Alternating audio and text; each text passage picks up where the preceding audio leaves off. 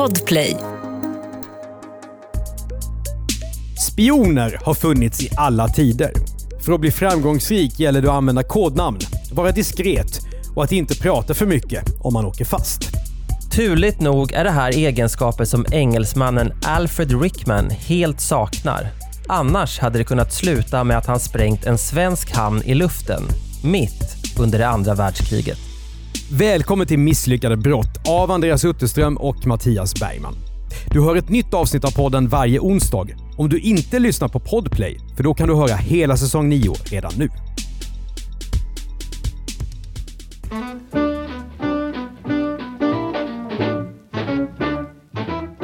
I april 1940 slog polisen till mot en lägenhet på Smedsbacksgatan på Gärdet i Stockholm. Där bor engelsmannen Alfred Rickman, 38 år, tillsammans med sin fästmö Elsa Johansson, som är 33. Trots att de lever tillsammans är Alfred och Elsa inte gifta, vilket är ovanligt vid den här tiden. Kanske också något som grannarna rynkar på näsan åt. De som bor i samma trappuppgång stör sig också på att det är ett väldigt springande till och från parets lägenhet.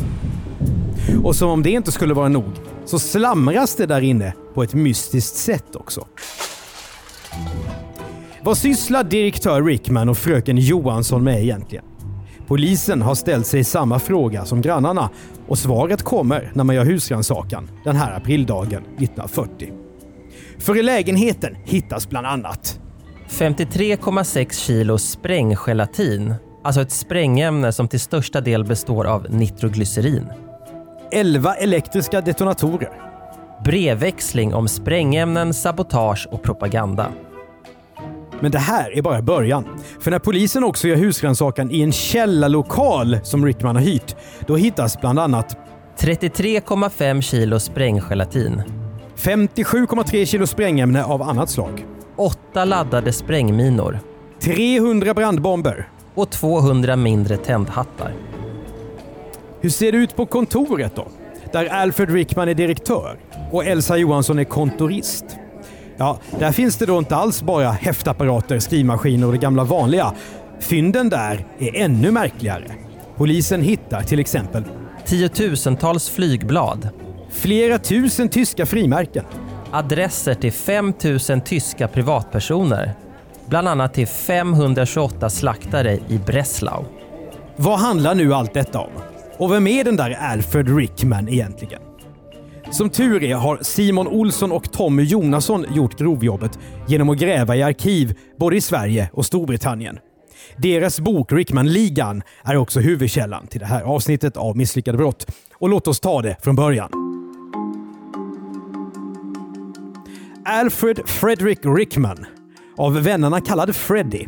Han föds i London 1902. Pappan är advokat och familjen har det gott ställt. Det här gör att Alfred, 17 år gammal, kan börja på en anrik katolsk skola.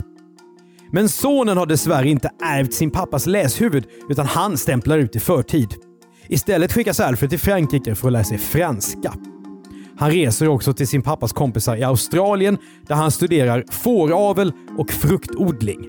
Och här kan man ju konstatera att det är en, en, en ungdomstid som skiljer sig väldigt mycket från de flesta andra eh, brittiska eh, unga vuxna på den här tiden. Ja, jag tänker att vad, vad kan man göra i Australien annat än just fåravel egentligen? Det är ju... Jag undrar om han flyr eller han blir deporterad av pappa. Kan vara eh, en kombination, men det, det hände ju annat också. Ja, för att det är inte bara fåravel som händer, utan också annan typ av avel. För Alfred blir kär i en kvinna. De gifter sig och får sonen Bernard. Familjen flyttar till Montreal i Kanada, men där spricker äktenskapet. Mamman och sonen Bernard flyttar tillbaka till Australien. Och nu är Alfred ensam kvar i Montreal. Vad ska han göra? Jo, han pluggar på universitetet McGill. Mineralogi närmare bestämt. Och det Andreas är ju helt enkelt läran om mineraler. Och om man pluggar det här eh, eh just nu så får man till exempel lära sig om symmetrielement, Miller-index och olika former på, på mineraler har jag läst mig in på. Ja, jag lever tillsammans med en kvinna som, som eh, är utbildad geolog och nu jobbar för gruvindustrin. Så att här i hushållet finns det ett stort intresse för bergarter och mineraler. Men om jag ska vara riktigt ärlig så, så delar jag absolut inte det. Inte jag heller, men det är också därför vi är bäst lämpade att göra sådana här poddavsnitt. Hur som helst, när nu Alfred är på universitetet så går det lite bättre. Han tar faktiskt examen och flyttar tillbaka hem till Storbritannien 1933. Alfred är nu 31 år gammal och redan nu har han alltså hunnit gifta sig, få barn, skilja sig och bo i fyra länder i tre olika världsdelar. Och sen är det dags nu för att växla spår igen. Alfred anställs som promotor för en populär orkester. Han reser runt med den i Europa och blir sedan assistent på ett filmbolag i London. Och I de här nya kretsarna träffar Alfred Rickman en affärsman som jobbar med någonting helt annat än film, nämligen järnindustrin. Och Den här mannen vill in på den skandinaviska marknaden. Affärsmannen behöver hjälp och Alfred, som alltid tycks redo för ett nytt äventyr, han tackar ja. Rickman ska senare berätta att det är sommaren 1938 som han första gången reser till Sverige för att kränga engelska varor. Men kanske är det verkliga syftet ett annat. För affärsmannen som skickat honom till Sverige är inte vem som helst. Han har kontakter inom MI6, alltså den brittiska underrättelsetjänsten som jobbar mot utlandet. Där är man på jakt efter nya talanger och rekryterar Alfred Rickman. Som spion alltså? Ja, fast det heter det ju inte. Eh, det heter ju underrättelseagent då. Just det är bara det. andra länder som har spioner. Men vi har ju agenter. om vi ska tala klarspråk så är det ju det det handlar om. Absolut. Och jag känner mig som Hans Villius när jag ska läsa in det här. Ja, det gör du rätt i. Mm. Varför rekryterar man just Rickman? Kanske för att den här unge mannen har rätt personlighet. Han har ju redan rest runt i världen på ett sätt som få andra vid den här tiden. Han har jobbat med lite av varje och dessutom är han en social begåvning. I Stockholmstidningen kommer Alfred senare att beskrivas så här. En mycket verserad man med ett behagligt sätt, uppenbarligen universitetsutbildad. Han var en angenäm sällskapsmänniska. men så här långt Andreas så känns det ju som en helt vanlig spionfilm. En gammal spionfilm som man såg när man var liten. Eh, ja, det gör det. Och eh, jag tror just det här att han kan föra sig och att han är berest eh, är en av orsakerna till att MI6 blir intresserade. Rickmans sätt är perfekt för MI6. Han är en kameleont som med rätt täckmantel kan smälta in lite var som helst. Och nu får Alfred Rickman sitt första uppdrag i Sverige. Han ska låtsas vara journalist och specialintresserad av svensk järnmalm. Det låter ju inte så sexigt om man nu inte är geolog som Andreas sambo, men det här är någonting som britterna är extra intresserade av. Orsaken är att Sverige exporterar mängder av järnmalm till Tyskland som behöver den för att bygga upp sin krigsmakt. Och Storbritannien vill såklart ha koll på vad de hårt rustande tyskarna just nu sysslar med. Så det blir nu låtsasjournalist Rickmans uppgift att grotta ner sig i järnmalm och i exporten av den. Och han är ju inte den första spion som får eh, journalist som täckmantel. Det är ett väldigt bra yrke för då kan man fara runt, eh, man har en ursäkt att prata med folk, vara väldigt frågvis. Ingen tycker att det är konstigt. Så det är ju helt logiskt att de vill att han ska låtsas att han är reporter. Det här låter ju inte som världens svåraste spionuppdrag. Inte heller särskilt farligt. Men tänk nu på att Alfred Rickman är en total rookie. Han vet nästan ingenting om Sverige. Inte heller särskilt mycket om järnmalm. Och framförallt kan han absolut ingenting om underrättelseverksamhet. Enligt Simon Olsson och Tommy Jonasson, författare till boken Rickman-ligan, är det oklart om Alfred har fått någon utbildning av MI6 överhuvudtaget. Det här är lite som att ta en forward från Nora BK i division 4 och kasta in som spelare i Milans startelva i Serie A. Men det tycks varken bekymra MI6 eller Alfred själv och han spelar nu rollen som journalist väldigt bra.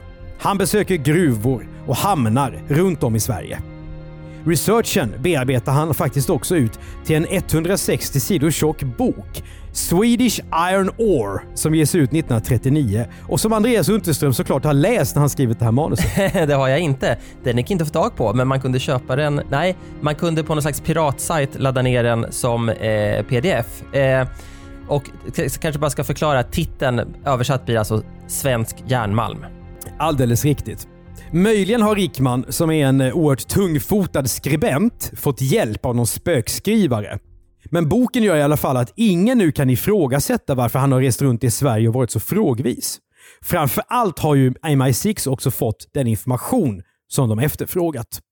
Så hela boken är en täckmantel. Den har inte någon del av själva underrättelseverksamheten på det sättet som jag tolkar det så var ju det här saker som de, som de ville veta och kanske att han fick en massa uppgifter som inte stoppades in i boken och bara skickades vidare till dem. Men, men det är ju det är ju så att, att underrättelsetjänster, det de vill veta, det kan ju vara saker som eh, folk inte har någonting emot att berätta eller som är offentliga uppgifter, men det gäller ju att ha någon då med rätt glasögon som vet precis vad man är ute efter, som samlar in allting så att det inte verkar misstänkt, paketerar det med en rosett och levererar det till chefen. Och det är precis det han gör.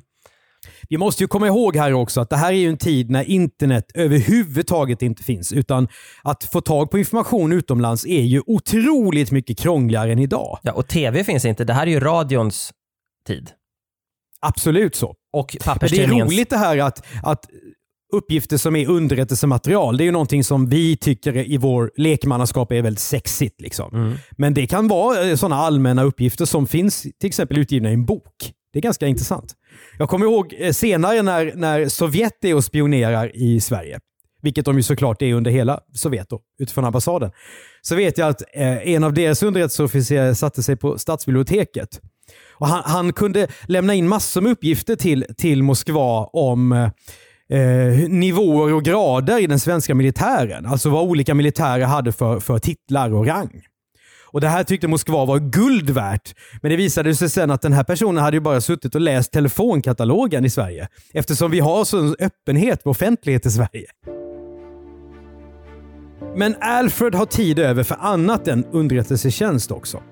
När han bor på ett pensionat i Stockholm så blir han förälskad i receptionisten, Elsa Johansson. Och Det här visar sig vara en perfect match, för Elsa är duktig, språkbegåvad och precis som är för en social person. Stockholms-Tidningen ska senare beskriva henne som En modern sportig typ med tilltalande yttre. Och jag misstänker att med modernt språkbruk så betyder det här att hon var smal och snygg. Elsa flyttar nu in hos Alfred där han bor på Gärdet i Stockholms norra och enligt vissa finare delar. MI6 hjälper honom att köpa ett företag så att det på pappret ska se ut som att han försörjer sig på vanligt sätt. Valet faller på AB Dentalmaterial som säljer tandvårdsprodukter. Senare köps också importbolaget Skandhamn Handelsbolag AB in. Eftersom Alfred som utlänning inte får äga några företag i Sverige använder man sig av bulvaner. Men det är Rickman som är den verkliga direktören i bolagen och Elsa blir alltså kontorist. Nu är Alfred hemmastad i Sverige och han har en perfekt fasad som döljer hans spionidentitet.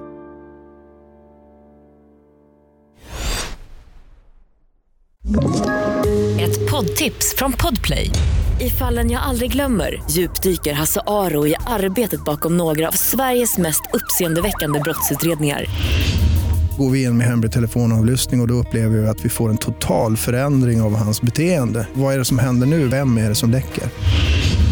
Och så säger han att jag är kriminell, jag har varit kriminell i hela mitt liv men att mörda ett barn, där går min gräns.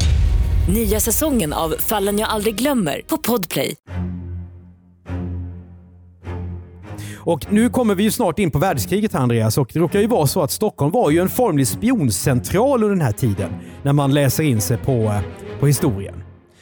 Ja exakt. Det, jag som eh, inte har läst så mycket om eh, Sverige under andra världskriget, det var, det var en liten nyhet för mig som jag aldrig har tänkt på när jag läste den här boken, eh, Rickmanligan, eftersom Sverige var ett eh, eh, neutralt land och ligger ganska bra till geografiskt så var det fruktansvärt mycket spioner från alla möjliga eh, ställen så att det måste ha varit en, en spännande tid och en väldigt spännande plats och tid också om man tänker sig att man skulle skriva en påhittad bok, alltså en roman om eh, spioner under andra världskriget. Då skulle ju Stockholm vara perfekt, tänkte jag när jag läste det här.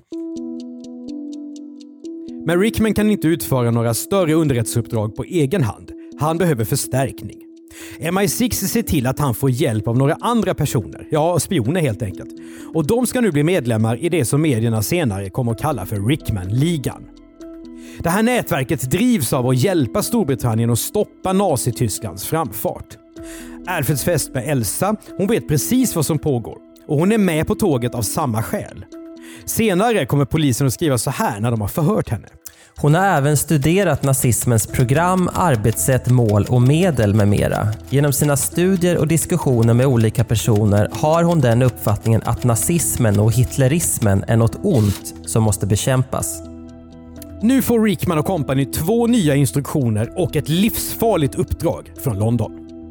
För det första ska Rickman-ligan producera antinazistiskt propagandamaterial som ska skeppas vidare till Tyskland. Det här är någonting som i synnerhet Elsa brinner för. Ur polisens protokoll. Hon anser att tyska folket borde erhålla upplysning i saklig och vederhäftig form om vad nazismen egentligen innebär och att det i så fall kan tänkas att det så småningom blir självständigt och att nazismen likvideras. Jag noterar att polissvenskan var ungefär lika, lika klyddig då som idag. Ja, men jag tycker att det är spännande att hon eh, redan här har förstått vart åt det barkar, för det är en åsikt som inte delas av alla i Sverige vid den här tiden. Nej, verkligen inte. Men det här materialet som Rickman-ligan tar fram då, propagandan, det är inte vidare sakligt. Det är rena fake news. Till exempel så producerar de ett falskt brev som sägs komma från en tysk kvinna. Den här kvinnan skriver där att hon har fått moderkorset. Det är en medalj med hakkors som ges till ariska tyska kvinnor som har fött många barn. Och den ska kvinnan, enligt det påhittade brevet, ha fått efter att ha gjort sin plikt och blivit gravid med en SS-man på nedre våningen i huset. Så målgruppen är lätt att räkna ut. Tyska soldater och budskapet är medan du riskerar livet som tysk soldat så ligger din fru runt och får barn med en SS-man. Det här är ju ren propaganda Andreas och det förekommer ju i alla krig. Det här är ju inte alls unikt för, för Rickman. Verkligen inte. Nu tar vi det andra uppdraget som Rickman får från MI6. Ligan ska ägna sig åt det som skulle kallas för lobbyarbete om det vore lagligt, men i själva verket så ska de propagera för att försöka få svenska folket att ifrågasätta sin regering och istället bli mer pro-brittiska. Ja, regeringen kan man prata mycket om vid den här tiden, men vi har en samlingsregering som vid det här laget gör allt de kan, enkelt uttryckt, för att hålla Sverige ute ur kriget. Och Det gör ju att de kan eh, tolkas som eh, mycket eftergivna mot den tyska, den tyska kraven, får man lov att säga. Storbritannien är ju irriterat av exporten av järnmalm till Tyskland. Därför planerar Rickmanligan nu att trycka en propagandaskrift som heter “Kallas detta för neutralitet?” frågetecken i 100 000 exemplar. En annan skrift ska heta “Sverige, vakna!” Så här långt är ju Alfred lite som en projektledare inom kommunikationsbranschen. Men i det tredje uppdraget från MI6 så blir han istället lager och logistikansvarig. För där ska Rickman och hans kumpaner hamstra sprängämnen. MI6 vill att de ska börja importera sprängämnen genom sina företag helt lagligt. De här ska finnas på ett lager i Stockholm och därifrån kunna skickas vidare ut till brittiska agenter i Europa. Men inte bara det. Rickmans sprängämnen ska också kunna användas i Sverige. Till vad då? Jo, att sabotera exporten av järnmalm till Tyskland. Ja, nu, nu tjatar vi väldigt mycket om, om eh, järnmalm och det beror inte på att min sambo jobbar i, i gruvbranschen och att det pratas om järnmalm här hemma utan det, tyskarna har ett stort behov av det här för att järnmalm används bland annat till infrastruktur, järnvägsräls och sånt. Så det, det, är superviktigt att man, att man får det här. Sverige har mycket järnmalm av hög kvalitet då som nu och då är det klart att britterna eh, blir oroliga och vill göra någonting åt det här. Först vet MI6 inte riktigt hur det ska gå till med de här sprängämnena. I London skissar cheferna på den ena planen efter den andra. Ska Rickmanligan få spränga hamnen i Luleå eller ska de sabotera kraftstationer som järnvägen i Sverige är beroende av? Samtidigt som MI6 funderar så följer Rickman order och börjar importera sprängämnen. Men han får snabbt ett praktiskt problem. Vad ska han göra av alla tändhattar och dynamitgubbar? De får ju inte plats i hans och Elsas lägenhet. Lösningen blir att hyra en halv källarlokal på Östermalm. Där lassar Alfred in kartong efter kartong. Utan att såklart berätta vad de innehåller. Och då kan vi påminna om det vi sa i början av avsnittet att grannarna hade reagerat på att det var mycket spring och slammer och det beror förmodligen delvis på att ibland så levereras det här då hem till Alfred och Elsa och sen så ska man då konka kartonger till till Östermalm och ingen får se vad de innehåller och det, det, är väldigt mycket, alltså det är väldigt praktiskt jobb. Det är inte så att han sitter på sin kammare och analyserar dok dokument och, och funderar utan det är praktiska saker här. Något ska flyttas från punkt A till punkt B och ingen får upptäcka vad det handlar om. Det här är ju en scen som man aldrig ser i en James Bond-film. James Bond han, han rör ju aldrig någonting som inte har kvinnohud. Men en spion på riktigt är ju på det här sättet. Det är väldigt konkret.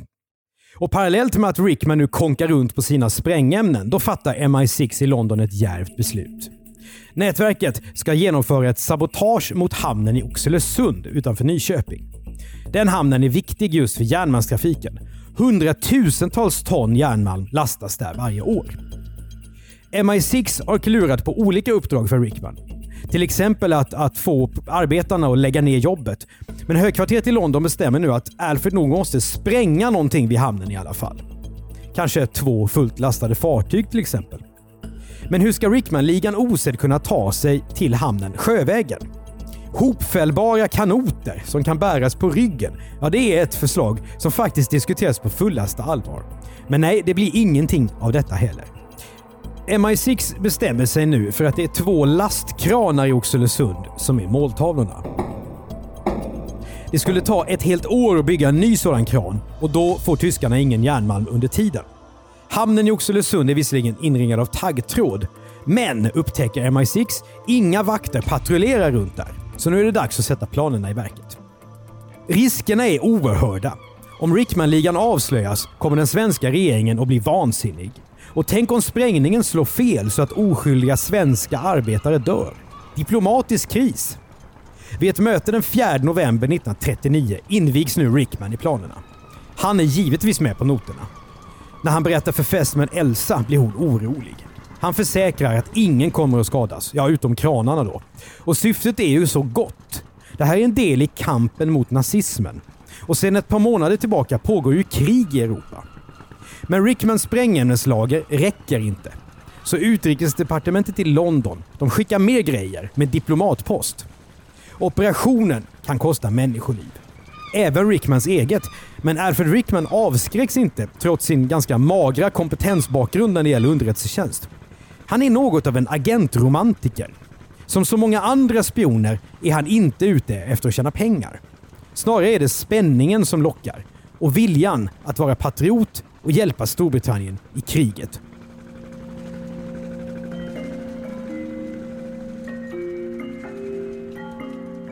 Den 29 januari 1940 kommer ett dramatiskt besked från London.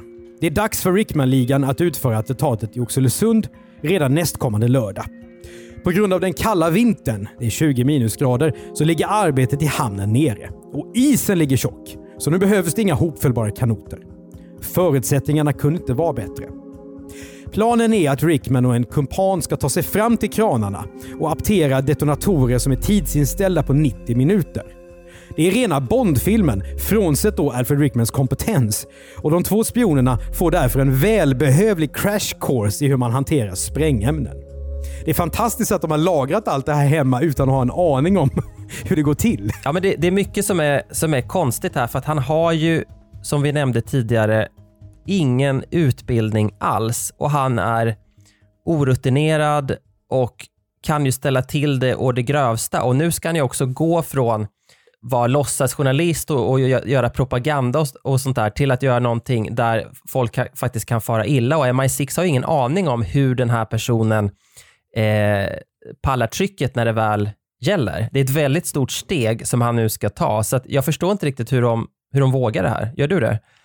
Nej, det gör jag verkligen inte. Men det kanske är också därför som det kommer nya besked från London dagen efter och att de skjuter upp den här operationen. De kanske får kalla fötter på högkvarteret.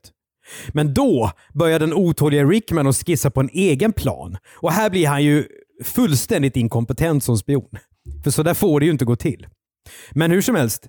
I februari 1940 kör Rickman och hans kumpan nu iväg mot Oxelösund. Bilen är lastad med sprängämnen och om MI6 har godkänt det här eller inte är oklart. Men något sabotage blir det inte. För när de två spionerna kommer fram upptäcker de att hamnen inte alls är mörklagd och öde. Strålkastarna är till och med tända. Rickman får åka hem med dynamiten mellan benen. Ja, han vill slå till redan nästa dag istället. Men London säger nej och Rickman håller såklart inte med. Ska han aldrig få slå till? Men vad varken Alfred eller MI6 anar är att hans dagar som spion nu är räknade. Den svenska polisen har fått kon på honom. Och det från flera håll. Efter en razzia mot kända kommunister börjar polisen nämligen kartlägga en person som visar sig ingå i Rickman-ligan. Och dessutom läcker det från nätverket. En man som har hjälpt Rickman att trycka propaganda, han kallar och tipsar den allmänna säkerhetstjänsten, alltså föregångaren till Säpo. Och så händer det en sak till. Vid den här tiden så jagar allmänna säkerhetstjänsten spioner genom att smygläsa brev och avlyssna telefoner. En av de som jobbar med detta är Astrid Lindgren och det mesta som hon och kollegorna läser det är helt oskyldigt. Men ett brev sticker ut. En person som ingår i Rickmans nätverk har skrivit med kod som säkerhetstjänsten knäcker. Och I det brevet står det om Alfred Rickman och hans spionliga. Den 19 april 1940 slår polisen till mot både Alfred och Elsas lägenhet på Gärdet och det hyrda källarförrådet på Östermalm. Rickman är lite för skum helt enkelt för att inte ta in. Så nu är vi alltså efter alla de här turerna tillbaka där vi började det här avsnittet. Alfred och Elsa är gripna. Massor av sprängämnen, propaganda och anteckningar är beslagtagna och snart åker även de andra i nätverket fast. Så nu är det dags för förhör. En mer skolad spion hade ljugit, slukt eller vägrat svara på frågor överhuvudtaget. Rickman väljer en annan väg. Han berättar allt. Eller ja, inte riktigt. I förhören förnekar han att MI6 är uppdragsgivare. Istället påstår Rickman att en sammanslutning av brittiska affärsmän ligger bakom sabotageplanerna. Själv har han dragits in i det här mer av en slump, säger han. I övrigt erkänner han allt och säger att han helhjärtat står bakom projektet. Vad ska man säga om det egentligen? Man kan väl, ja som du själv skriver här, att det är lite dumt. Men det är ju väldigt ärligt och, och moraliskt kan man säga.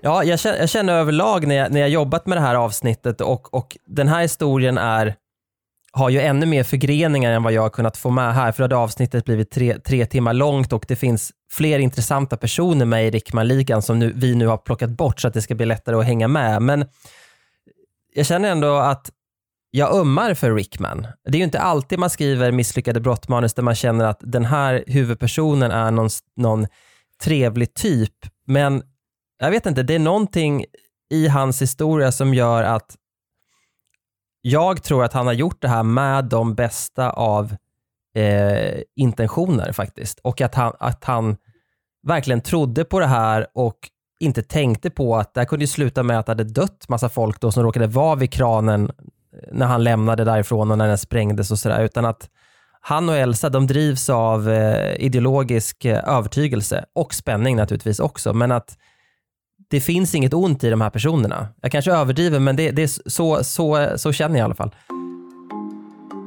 Och Elsa Johansson, hon erkänner också. Hon berättar i sina förhör att hon gärna hjälper fästmannen i hans hemliga uppdrag. Ingen skulle ju skadas. Och dessutom är Elsa övertygad antinazist. I tidningarna är det här såklart en stor nyhet. 4 maj 1940 skriver Svenska Dagbladet. Sabotageaffär avslöjad i Stockholm. Väldig sprängämnesarsenal i källare. Och Trelleborgs-Tidningen, ja det är ju en skånsk tidning, men de är i alla fall på plats och skriver rubriken Sabotageliga fast i Stockholm. Hel sprängarsenal anträffad. Utlänning och hans sekreterare samt flera andra personer anhållna. Sabotageförsöken gingo om intet till följd av den effektiva bevakningen. Mm. Och det är inte polisbevakningen som tidningen syftar på, utan bevakningen i Oxelösunds hamn. Då. Den 18 maj 1940 då skriver Aftonbladet så här om en av Rickmans kumpaner. Spionaffären Rickman sväller ut. Många nya häktningar. Känd reklamman är inblandad. Pengar av utländsk makt för sabotageverksamhet här i landet. Mm. Jag älskar det här med känd reklamman. Det visar att medierna har inte förändrats särskilt mycket. En kvällstidning skulle idag också gå igång på om det är någon känd person eller halvkänd person med i ett brott. Jag gillar också uttrycket eh, utlänning och hans sekreterare som Trelleborgs-Tidningen skriver. Ja, det är väldigt så att utlänningar är någonting suspekt. Det är ju så vid den här tiden. Det ser inte bra ut för Alfred och Elsa. I maj 1940 ställs de inför rätta i Stockholms rådhusrätt. Rättegången tar bara några dagar och domen meddelas månaden efter. Alfred döms till åtta års straffarbete för bland annat stämpling till krigsförräderi och för att ha förvarat sprängämnen utan tillstånd. Fästmön Elsa kommer undan med tre och ett halvt år. Men domarna överklagas hela vägen till Högsta domstolen. Alfreds dom står fast men Elsas sänks till två och ett halvt års straffarbete. Nu väntar en tuff tid för Alfred. Han plågas av skuldkänslor för att han har dragit in Elsa i den här soppan. Men också av den hårdhänta behandlingen på fängelset. I två år sitter han i en isoleringscell som är tre gånger två meter liten. Under fängelsetiden får han migränliknande huvudvärk, hjärtklappning och andra krämpor. Många läkare undersöker honom utan att hitta någon förklaring. Idag hade vi nog kallat det här för ångestsyndrom eller akuta stressreaktioner. Vid den här tiden talar man om svaga nerver. Emellanåt är Rickman så illa däran att han läggs in på psyket. Men han har ändå kämpaglöden kvar. Han skriver brev till regeringen och ber om att bli benådad. Och så blir det också till slut. 1944 har han suttit inne i fyra år och i friheten möts Alfred av Elsa som redan har avtjänat sitt straff. Tillsammans flyttar de till London. Men Hon har väntat på honom. Ja, här måste vi stanna upp lite och prata om en annan sak som slog mig här. Det är ju att det här är också en väldigt fin kärlekshistoria. För tänk vad de går igenom och hur förbannad hon skulle kunna vara på honom och tycka att han har lurat in henne i det här. Kanske har han inte berättat allt, det är hans fel alltihopa. Men hon väntar på honom och det kan inte vara så att hennes omgivning eh, är särskilt förtjust när hon blir utsläppt, utan det var säkert inte så lätt. Och hon, hon är liksom, står på hans sida, väntar på honom och så flyttar de till eh, London tillsammans, där hon också senare blir eh, brittisk medborgare. Är hon dum eller lojal? Hon är väl kär? Vad är man då? Både och? Dum. Både och? ja, men tiden i fängelse har satt sina spår på Rickman. Det märker inte minst hans syster. Hon tycker att Alfred är mager och blek. Bitter på svenska medier som har beskrivit honom som en gangster. Han blir lätt upprörd och framstår som överkänslig. Systern tycker att han beter sig lite som ett barn som inte lärt sig reglera sina känslor. En läkare ställer diagnosen fängelsepsykos och den koden finns inte i Försäkringskassan idag kan jag säga. Rickman ordineras extra vitaminer och stora mängder mjölk. Det var ju så man gjorde på den här tiden. Ja, barn som låg på barnsjukhus de, fick ju, de skulle ju äta mycket och dricka kopiösa mängder mjölk och tydligen så skulle det också eh, lindra fängelsepsykos på 40-talet. Det här måste ju vara eh, vanlig eh, posttraumatisk stresssyndrom skulle man väl säga idag. Oh ja, det, det är ja. ingen tvekan om att, det, att det, idag så skulle han få den diagnosen. Eh, tror jag i alla fall. Jag är ju inte eh, psykolog, men det ligger väl nära till hands att misstänka det. Exakt hur Alfred försörjer sig resten av livet är okänt. Inte ens författarna till boken Rickman-ligan, som har vänt på varenda sten och också beskriver dem, lyckas reda ut detta. Kanske kan Rickman leva på arvet från sin far. Möjligen startar han företag, men en sak vet vi. Alfred och Elsa gifte sig 1957. Då är han 55 och hon 50 år. Att de väntat så länge är en gåta. Men paret fortsätter att leva tillsammans fram till 1972 då Elsa avlider bara 66 år gammal. Alfred Rickman går bort 1985, 83 år gammal. Efter sig lämnar han vad som i dagens penningvärde motsvarar cirka 2 miljoner kronor. Så vad han än har sysslat med så verkar han ha klarat sig. Idag är det inte många som vet vem Alfred Rickman är, men hans barnbarn Elizabeth berättar för författarna Simon Olsson och Tom Jonasson att hon minns sin farfar som en glad person. Klädd i tweedkavaj och med en pipa i munnen. Någon som trivdes på grannarnas årliga julmiddag. Men också någon som var ordningsmänniska och kunde framstå som tillbakadragen, stel och kontrollerad. Det vill säga en helt vanlig britt. Det kan man säga. Ja, Elizabeth minns att hennes farfar som då var i 70-årsåldern satte sig ner tillsammans med henne och tog fram en klippbok. Utifrån den berättade han om vad som hände i Sverige 1940 och de misslyckade brotten. Ja, Andreas, Rickman är ju en glasklar misslyckad brottsling, men ska vi sammanfatta lite i punktform här vad det är som är problemet? Ja, till att börja med är han ju agentromantiker eh, utan kompetens som inte har fått någon utbildning och det kan man säga är MI6 fel, men han kan ju också själv inse sina begränsningar och eh, säga nej, men det gjorde han inte. Sen har vi det här med planeringen som är stor och noggrann men som han frångår för att han är så otålig och drar iväg till Oxelösund och vill spränga utan att ha fått eh, godkännande. Och sen så gömmer han ju inte sånt som kan avslöja honom. När, när polisen eh, gör husrannsakan så hittar de ju korrespondens som handlar om sabotageverksamhet och propaganda som ligger framme och, och som inte är skriven på kod och som inte är undangömda någonstans. Och det är såklart drömmen för en polis att bara komma till dukat bord och eh, snabbt få en uppfattning om vad som har hänt. Rickman använder också sin egen identitet. Och Dessutom så rekryterar han ju kumpaner som är ännu större amatörer än vad han själv är. Och sist men inte minst har han en korkad förhörsstrategi när han berättar för mycket om fel saker. Men hans barnbarn Elizabeth berättar att hennes farfar själv inte betraktade sina insatser som misslyckade. Inte ens när han hade haft över 30 år på sig att reflektera över dem. Nej, farfar Rickman var istället stolt över det han hade gjort för sitt land. Du har hört ett avsnitt av Misslyckade brott av Mattias Bergman och Andreas Utterström. Exekutiv producent är Jonas Lindskog. Du som lyssnar på podden i Podplay kan lyssna på alla avsnitt i säsong 9 redan nu. Du som lyssnar på ett annat sätt får vänta till onsdag för att få ett nytt avsnitt. I säsong 9 kan du till exempel höra om rånaren som blev utskrattad, Göteborgskomikern som drog TV4 till Högsta domstolen och dokusåpastjärnan som ljög sig blå. Tipsa gärna om andra fall som vi borde prata om här till misslyckade.bplus.se. Det är B plus med bokstäver. Normalt sett driver Andreas Utterström och jag innehållsbyrån Commercial Content och medietränar bland annat personer. Kolla på Medieträning 2.0 så får du se. För Podplay så gör vi även poddarna Jag var där, Misslyckade affärer och Misslyckade makthavare. Prenumerera gärna på podden i din poddspelare och betygsätt den så är det fler som hittar till den. Vi hörs!